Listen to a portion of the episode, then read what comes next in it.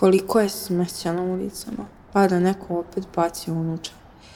Pita se da li je ovaj put staklena ili plastična ambalaža. Kao da apsolutno ima neke veze. Aj, opušak, da. Još jedan. Ljudi iz usta bacaju po ulici. Fuj. Ej, kockarnici. Opušak, unučak, kockanica, još jedna, evo još jedna kockanica, ponovo opušak, opušak, unučak, kockanica, još jedna, evo još jedna kockanica, ponovo opušak, opušak, unučak, kockanica, još jedna, evo još jedna kockanica, ponovo opušak. Zašto je to tako? Zato što bolest zavisnosti sa sobom nosi brojne psihološke posledice upotrebe substanciji, vrlo često i najčešće to budu anksioznost i depresija, Zatim nosi sa sobom brojne socijalne probleme, narušavaju se porodični odnosi, narušavaju se socijalni odnosi generalno, dolazi do problema na poslu, konflikata, ne tako redko dolazi do otkaza, a nažalost u nekim situacijama dolazi do problema sa zakonom.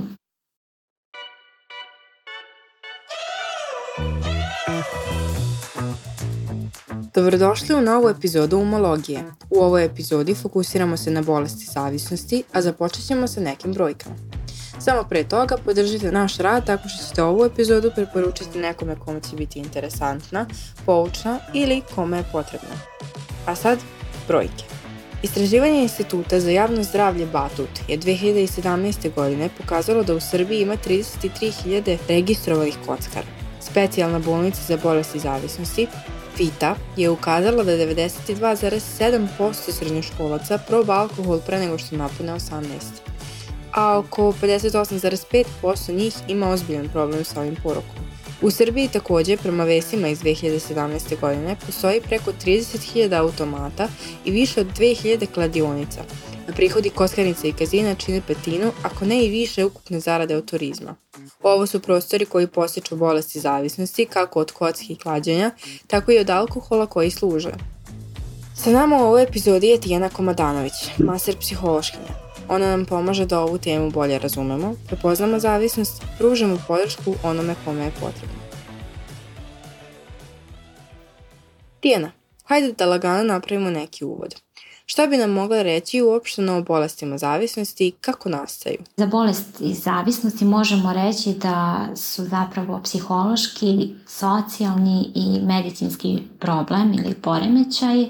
Zašto je to tako? Zato što bolest zavisnosti sa sobom nosi brojne psihološke posledice upotrebe substanciji, vrlo često i najčešće to budu anksioznost i depresija, Zatim nosi sa sobom brojne socijalne probleme. Osoba koja je zavisna vrlo često dolazi u sukobe sa porodicom, narušavaju se porodični odnosi, narušavaju se socijalni odnosi generalno, dolazi do problema na poslu, konflikata, ne tako redko dolazi do otkaza, a nažalost u nekim situacijama dolazi do problema sa zakonom. I naravno, bolest zavisnosti jeste i medicinski problem. Zašto? Zato što dolazi do brojnih promena na mozgu, naravno dolazi i do oštećenja i drugih organa, ali negde najviše se sama zavisnost odrazi na mozak i organske promene datog organa. A koja je definicija? Kada znamo da je nešto bezazleno, a kada to bezazleno prelazi u zavisnost? O čemu god da je reč? Pušenje, droga, alkohol, kockanje? A definicija zavisnosti se obično odnosi na to da neko koristi određenu substancu ili obavlja neku radnju bez obzira na sve ove posledice o kojima sam ja malo pre govorila, koje upotreba date substance sa sobom nosi. To znači neko vidi da nešto nije dobro za njega, da ga dovodi do brojnih problema u životu, da narušava njegovo funkcionisanje, ali uprkos tome što je to tako, ta osoba nastavlja da nešto koristi. Isto tako, možemo reći da se razvila zavisnost od određene substance onda kada substanca ili radnja, ako govorimo o kockanju, postane sredstvo da se osoba smiri ili da se oseti bolje. Znači svaki put kada osoba nervozna, uznemirena, ljuta ili slično, ako uzme alkohol ili neku drugu substancu da bi se smirila, možemo reći da je razvila bolest zavisnosti ili isto tako, znači da se smirim ili osvetim bolje. To je dakle, psihološka zavisnost, a opet sa druge strane vrlo često se javljaju simptomi telesne zavisnosti, to je kada osoba osjeća brojne neprijatne emocije i telesne simptome u periodima kada ne koristi substancu, pa vremenom počne da uzima substancu kako bi uopšte mogla da funkcioniše. Verujem da se zavisnost ne razvija tek tako. Probaš jednom, dva puta i gotovo. Zavistan si. Kako dolazi do toga da se zavisnost zapravo razvije? Imamo tri faktora. Prvi faktor je sam čovek, znači čovek koji je u određenom periodu života vulnerabilan ili posjeduje nedostatak mehanizama za suočavanje sa određenim stresnim situacijama, ne posjeduje neko snažno samopouzdanje i vremenom može doći u rizik da razvije bolest zavisnosti. I Pored tog faktora čovek imamo i taj faktor sredine. Sredina u kojoj živimo igra veliku ulogu u samom razvoju bolesti zavisnosti. Na koji način? Pa upravo na taj način što, evo, možemo reći kada govorimo o alkoholu, da je alkohol nešto što je prilično prisutno u našem životu i upotreba alkohola je prilično normalizovana i blagonaklono se gleda na nju. Sve te neke socijalne okupljanja, proslave, žurke, pa nažalost okupljanje povodom nekih tužnih e, događaja prolaze uz, kako da kažemo, služenje alkoholom. I ako se desi da neko odbije da popije, vrlo često može doći do toga da bude ismevan zbog toga, da ga ljudi pitaju šta ti, jesi dobro, jesi bolestan i slično. A društvo? Ni društvo nam ne pomaže kada je gomilu tih stvari normalizovana i prihvaćena, zar ne? Taj blagonaklonan stav društva prema substancama jeste jedan od faktora za razvoj zavisnosti. Kada govorimo o drugim substancama, kokainu, o kockanju, možemo da kažemo da se na kokain, bar u ovom trenutku, gleda kao neki statusni simbol. Kokain, aha, koristi kokain, on ima novca. Tako da i te kako sredina ima važnu ulogu u razvoju zavisnosti, a kada govorimo o kocki, prvo to što su kockarnice i kladionice sve više ih ima, a sa druge strane dosta se i reklamiraju. Pored socijalne, te šire socijalne sredine, imamo tu i porodičnu sredinu. Mi kažemo za zavisnost u praksi da je to jedan simptom ozbiljne disfunkcionalnosti u porodici, tako da a, ako se razvila zavisnost, ne tako redko, znači vrlo često je to znak da se u porodici postoji neki drugi problemi, da li u partnerskom odnosu roditelja ili do, postoje neki drugi problemi, nevezano za partnerski odnos roditelja, ali nešto postoji što bi se trebalo rešavati. I naravno na trećem mestu sama substanca, da ne postoji alkohol, da ne postoji kocka, da ne postoje druge psihoaktivne substance, pa ne bi imali ni bolesti zavisnosti. Kako stoje stvari kada su u pitanju mladi? Kako zapravo to sve počinje? Kada govorimo o mladim ljudima, ono što je evidentno generalno kada uzimamo anamnestičke podatke od svih pacijenata bilo koje dobi, jeste da su svi oni probali substancu u tom periodu negde kraj osnovne, početak srednje škole. Najčešće bude taj prvi kontakt sa substancom prva, druga godina srednje škole i razlog bude neka radoznalost, eksperimentisanje, bude to u društvu, bude žurka, izlazak ili slično. Uvek prvo krene sa upotrebom alkohola. Alkohol je negde, kako opet kažemo, najdostupniji, prilično je jeftin, nije potrebna ogromna količina novca da se dođe do alkohola i opet govorimo o tom blagonaklonom stavu društva prema datoj substanci. Znači kreće se sa alkoholom, ne tako redko kreće se i sa eksperimentisanjem u korišćenju marihuane i to su neke substance koje su najčešće zastupljene kod mladih ljudi. U poslednje vreme jeste to i kockanje.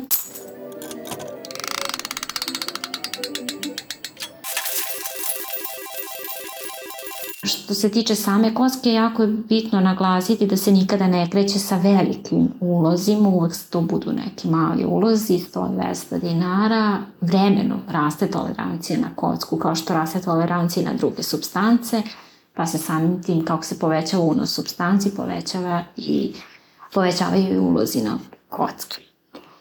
Tako da u, e, kod mladih ljudi jesu najzastupljeniji alkoholizam, upotreba marihuane, a u poslednje vreme i sama kocka. Kada vam kažem bolesti zavisnosti, šta vam prvo pade na pamet? Pušenje, kocka, alkohol, droga. Problem i rešavanje tog problema, da. Ali da li vas misli odvedu do toga da je to u stvari problem sa mentalnim zdravljem? Najčešće ne, jel tako? Zato je to moje sledeće pitanje za Tijanu Komadanović, master psihološkinja. Šta misliš zašto u društvu vlada mišljenje da bolesti i zavisnosti nisu zapravo mentalni problem? I u kom smislu to jesu? Vrlo često vlada mišljenje da bolest zavisnosti nije bolest ili nije problem, već je zapravo nešto drugo. Možemo čuti od ljudi da često zavisnost komentarišu, to je mladost i ludost, proći će ga. Ne tako redko čujemo od roditelja, muške dece, najčešće samo da upoznati jednu zrelu devojku, da se oženi, da dobije decu, uozbiljit će se. Sa druge strane, neke osobe često dožive samo zavisnost kao bezobrazluk. Nije da je on zavistan i onda ne može bez toga, nego neće. Ono što vrlo često navede nekoga da zapravo zaista veruje da je to bezobrazluk, jestu sve te neke promene u ponašanju koje sa sobom nosi razvoj bolesti i zavisnosti. Znači osoba postaje impulsivna, reaguje u skladu sa svojim emocijama, izbegava odgovornosti, ne tako redko bude verbalno ili fizički agresivna.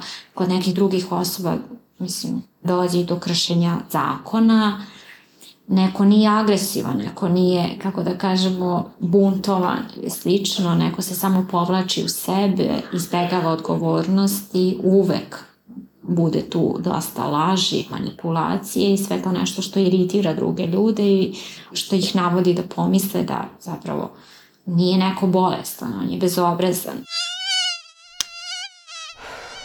I naravno na kraju imamo normalizovanje upotrebe određenih substanci. To je alkohol koji je svugdje dostupan, gde je negde osobu kada se ponudi alkohol, ako neko ne želi da pije, vrlo često bude šta ti, jesi dobro, jesi bolestan. Kod mladih ljudi nekada dođe do ismevanja, Znači, daju se brojne pogrdne riječi, omalovažava se osoba koja ne pije, tako da mladi ljudi da bi bili prihvaćeni, da bi izbjegli neprijatnosti, vrlo često podlegnu upotrebi alkohola.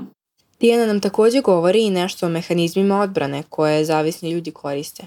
Ne samo zavisni ljudi, naravno, i njihovi bližnji. Ponekad to mladost ludost ne znači da se problem ne shvata ozbiljno ili nije preslikavanje stava društva na pojedini slučaj.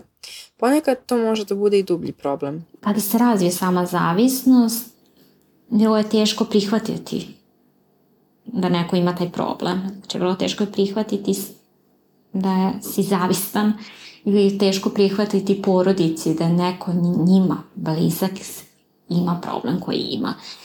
I to je negde normalna reakcija na neprijatnosti, jeste korišćenje brojnih mehanizama odbrane, i ti mehanizmi odbrane služe osobi da opravda nešto, da umanji problem ili da ga predstavi ne kao zavisnost, nego nešto drugo. I najčešći mehanizmi odbrane su ta negacija, kao što smo rekli, nije zavistan bezobrazan, nije mladost, ludost, nije on, nego društvo u kome se našao. Sa druge strane imamo projekciju, ne bi on koristio da je imao teško detinjstvo, da ne znam, ima neki drugi problem i slično.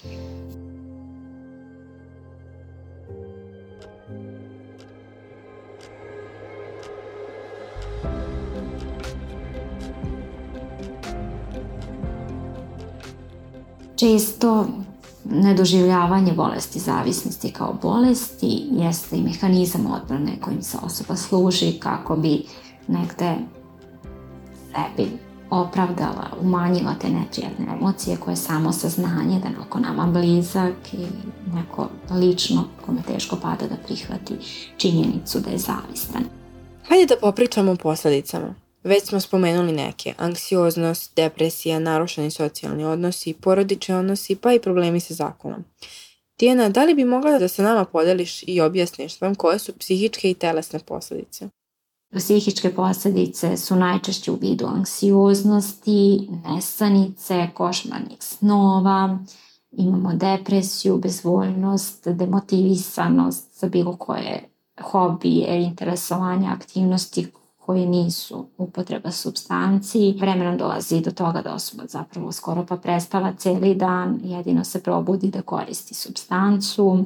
Smanji se socijalni kontakti, druženja, druženja se svode na druženja osoba koje takođe koriste substancu, koje su takođe zavisne ili sa osobama kako bi se druga strana izmanipulisala, došlo se do novca ili se kupila data substanca. Kada govorimo o telesnim posledicama, najviše dolazi do, nažalost, oštećenja na mozgu, dolazi do toga da se prefrontalni korteks, dolazi do deaktiviranja veza među neuronima u prefrontalnom korteksu i sam, a taj deo mozga je zaslužen za kontrolu naših emocija, reakcija, povezivanje uzroka sa posledicama, donošenje odluka. Pored tog prefrontalnog dela korteksa dolazi sama upotreba substancije ili kocka deluju na taj deo mozga koji se zove sistem nagrade i koji služi za lučenje dopamina. Tako da potrebom substancije ili im dolazi do lučenja ogromne količine dopamina. To je tako takođe dopamina se izluči da se oštete receptori, a drugim delom imaju pumpe koje vraćaju taj dopamin nazad u kesice i oni ne stignu da ga vrate, tako da sve manje i sve manje bude dopamina u mozgu. Dopamin je hormon koji daje osjećaj energičnosti, volje, zadovoljstva i prosto što je manje dopamina, osoba je sve bezvoljnija, depresivnija, pospanija, ne, nezainteresovana, apatična za brojne neke druge aktivnosti i odnose. Što se tiče oštećenja drugih organa i ona su neminovna, o tome ne govorimo, sad zavisi opet od substance do substance, ali ono što je evidentno jeste da sve to najviše utiče na jetru, jer kroz jetru sve prolazi. Ali naravno dolazi i do oštećenja kardiovaskularnog sistema, do oštećenja organa za varenje i sl. Evo još neke brojke. Oko 31 milion ljudi širom sveta se bori sa zavisnošću od zloupotrebe supstanci. Korišćenje alkohola rezultira za 3,3 miliona smrtnih slučajeva godišnje, a pretpostavlja se da će globalno tržište kockanja doseći preko 90 milijardi dolara u 2023. godini. Ove podatke sam prikupila od Svetske organizacije za zdravlje. Da li možemo da poredimo, odnosno rangiramo bolesti zavisnosti koja se teže leči i slično? Ne postoje lake i teške droge, ne postoji neka lakša ili teška zavisnost. Svaka upotreba substance, koja god je vrsta substance u pitanju, sa sobom nosi brojne posledice. Sve one promene na mozgu o kojim sam govorila, one su prisutne kod svih substanci. Znači, da li je neko upotrebljavao marihuanu, kokain, heroin, alkohol ili je kockao, mozak je na sličan način odreagovao.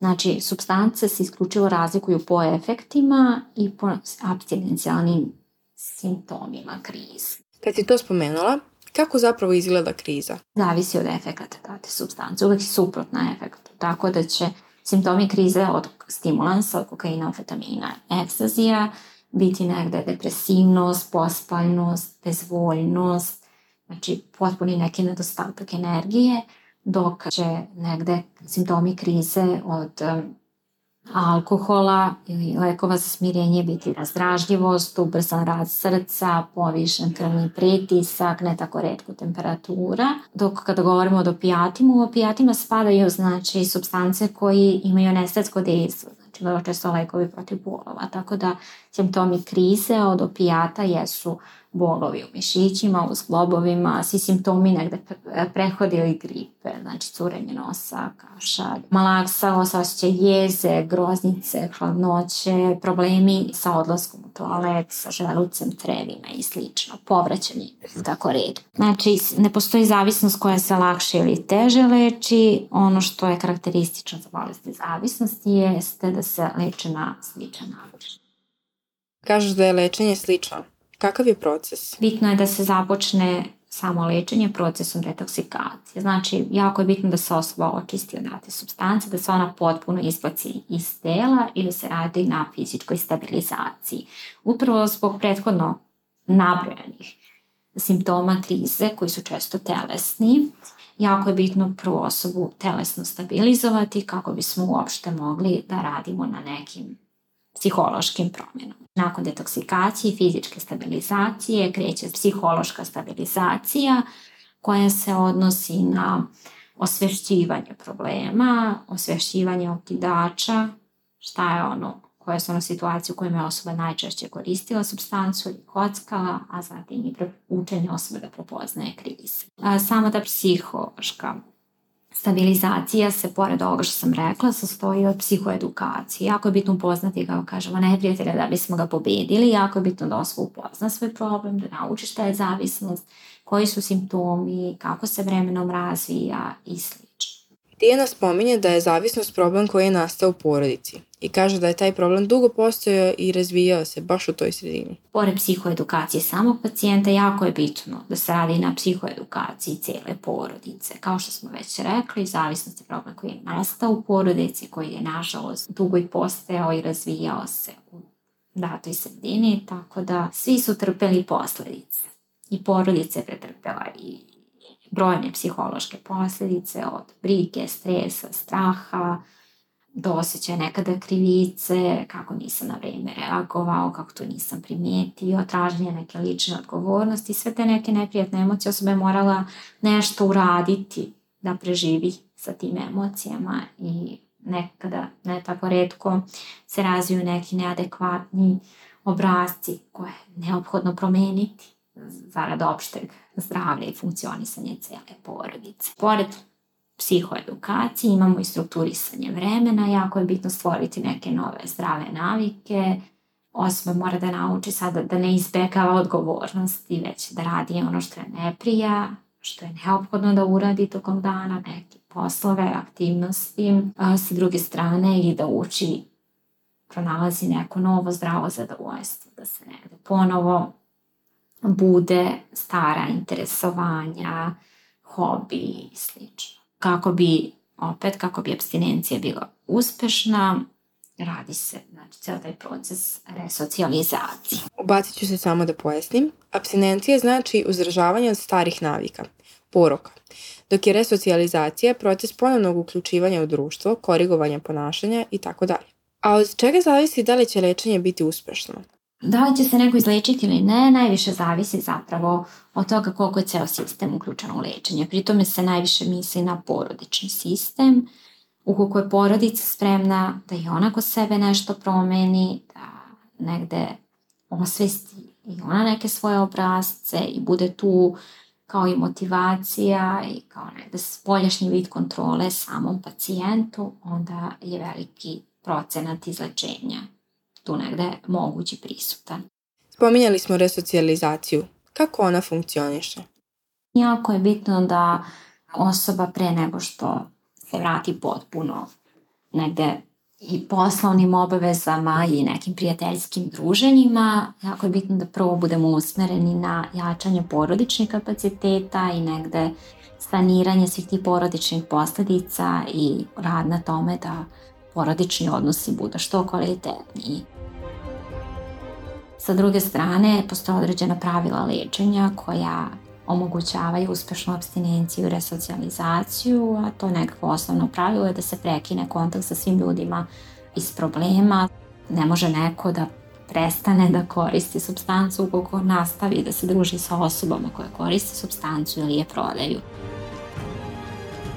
Takođe, jako je bitno da neko vreme taj neki prvi period lečenja, lečenje je prilično dugotrajno, ali ipak je jako važno da osoba dok se leči od zavisnosti ne posećuje kafane, klubove, kafiće, restorane, sva mesta gde se služi alkohol, kao naravno kladionice, kockarnice i slično.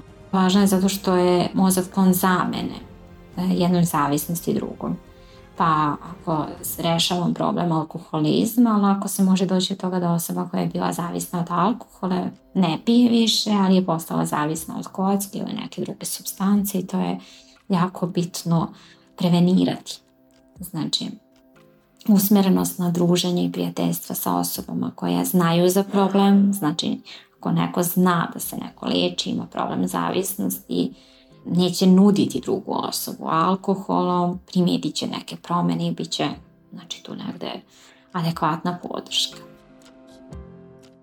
I naravno kada govorimo o poslu, bitno je da posao nije sam po sebi okidaš, zato da nisu opet mesta da se služi alkohol, da drugi ljudi piju, da koriste substance, da se kocka, znači jako je bitno da je poslovna sredina takođe jedna zdrava sredina i ne tako redko nije loše ukoliko je osoba ne traži novi posao, već se vraća na stari, da negde poslodavac ili neko od kolega bude upoznan sa problemom.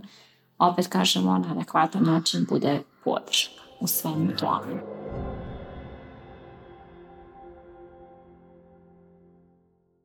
Ali naravno, ne možemo da završimo ovu epizodu, a da ne razgovaramo o prevenciji.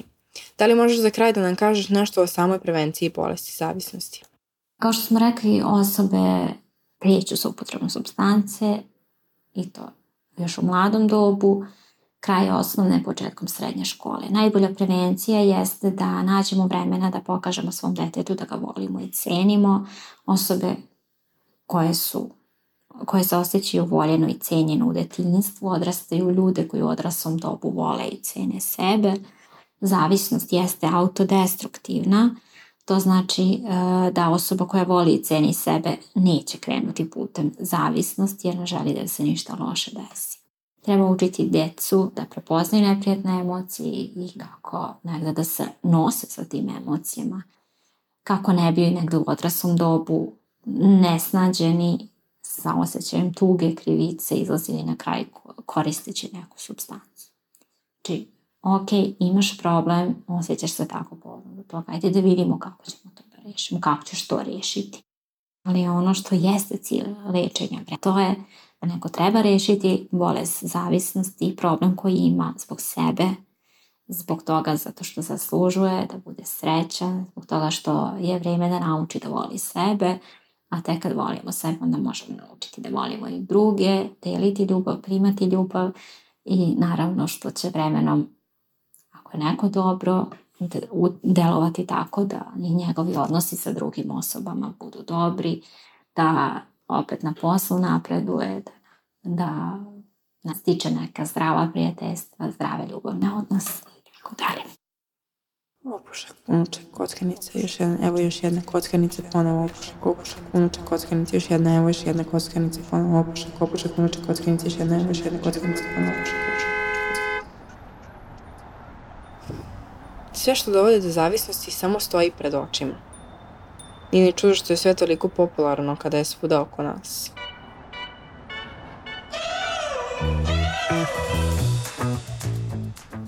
Dijana je to lepo objasnila. Zapravo je zavisnost autodestruktivna. Treba volja, ali i podrška i razumevanje da bi je prevazišli. Jer zavisnost izaziva gomilu dodatnih problema. Kako psihičkih, od anksioznosti i depresije, povlačenja u sebe, telesnih, mozak remeti svoj rad i funkcionisanje hormona, a na kraju i socijalni problemi. Gubitak kontakata, problemi u porodici. Treba poštovati i voliti sebe da ne bi došlo do nje i da bi se izlečili. Slušate podcast Umologija, fabrike kreativnosti. Podcast u kom želimo da napravimo nove drajvere, putanje shvatanja i razmišljanja, poimanja sebe, svojih misli i emocija, ali i osoba i sveta oko nas. Novinarka Jovana Grabež, dizajn zvuka Jovan Živković, urednica Aleksandra Bučko, produkcija Fabrika kreativnosti. Ovaj podcast i rad Fabrike kreativnosti podržava Švedska u okviru programa Beogradske otvorene škole, mladi i mediji za demokratski razvoj.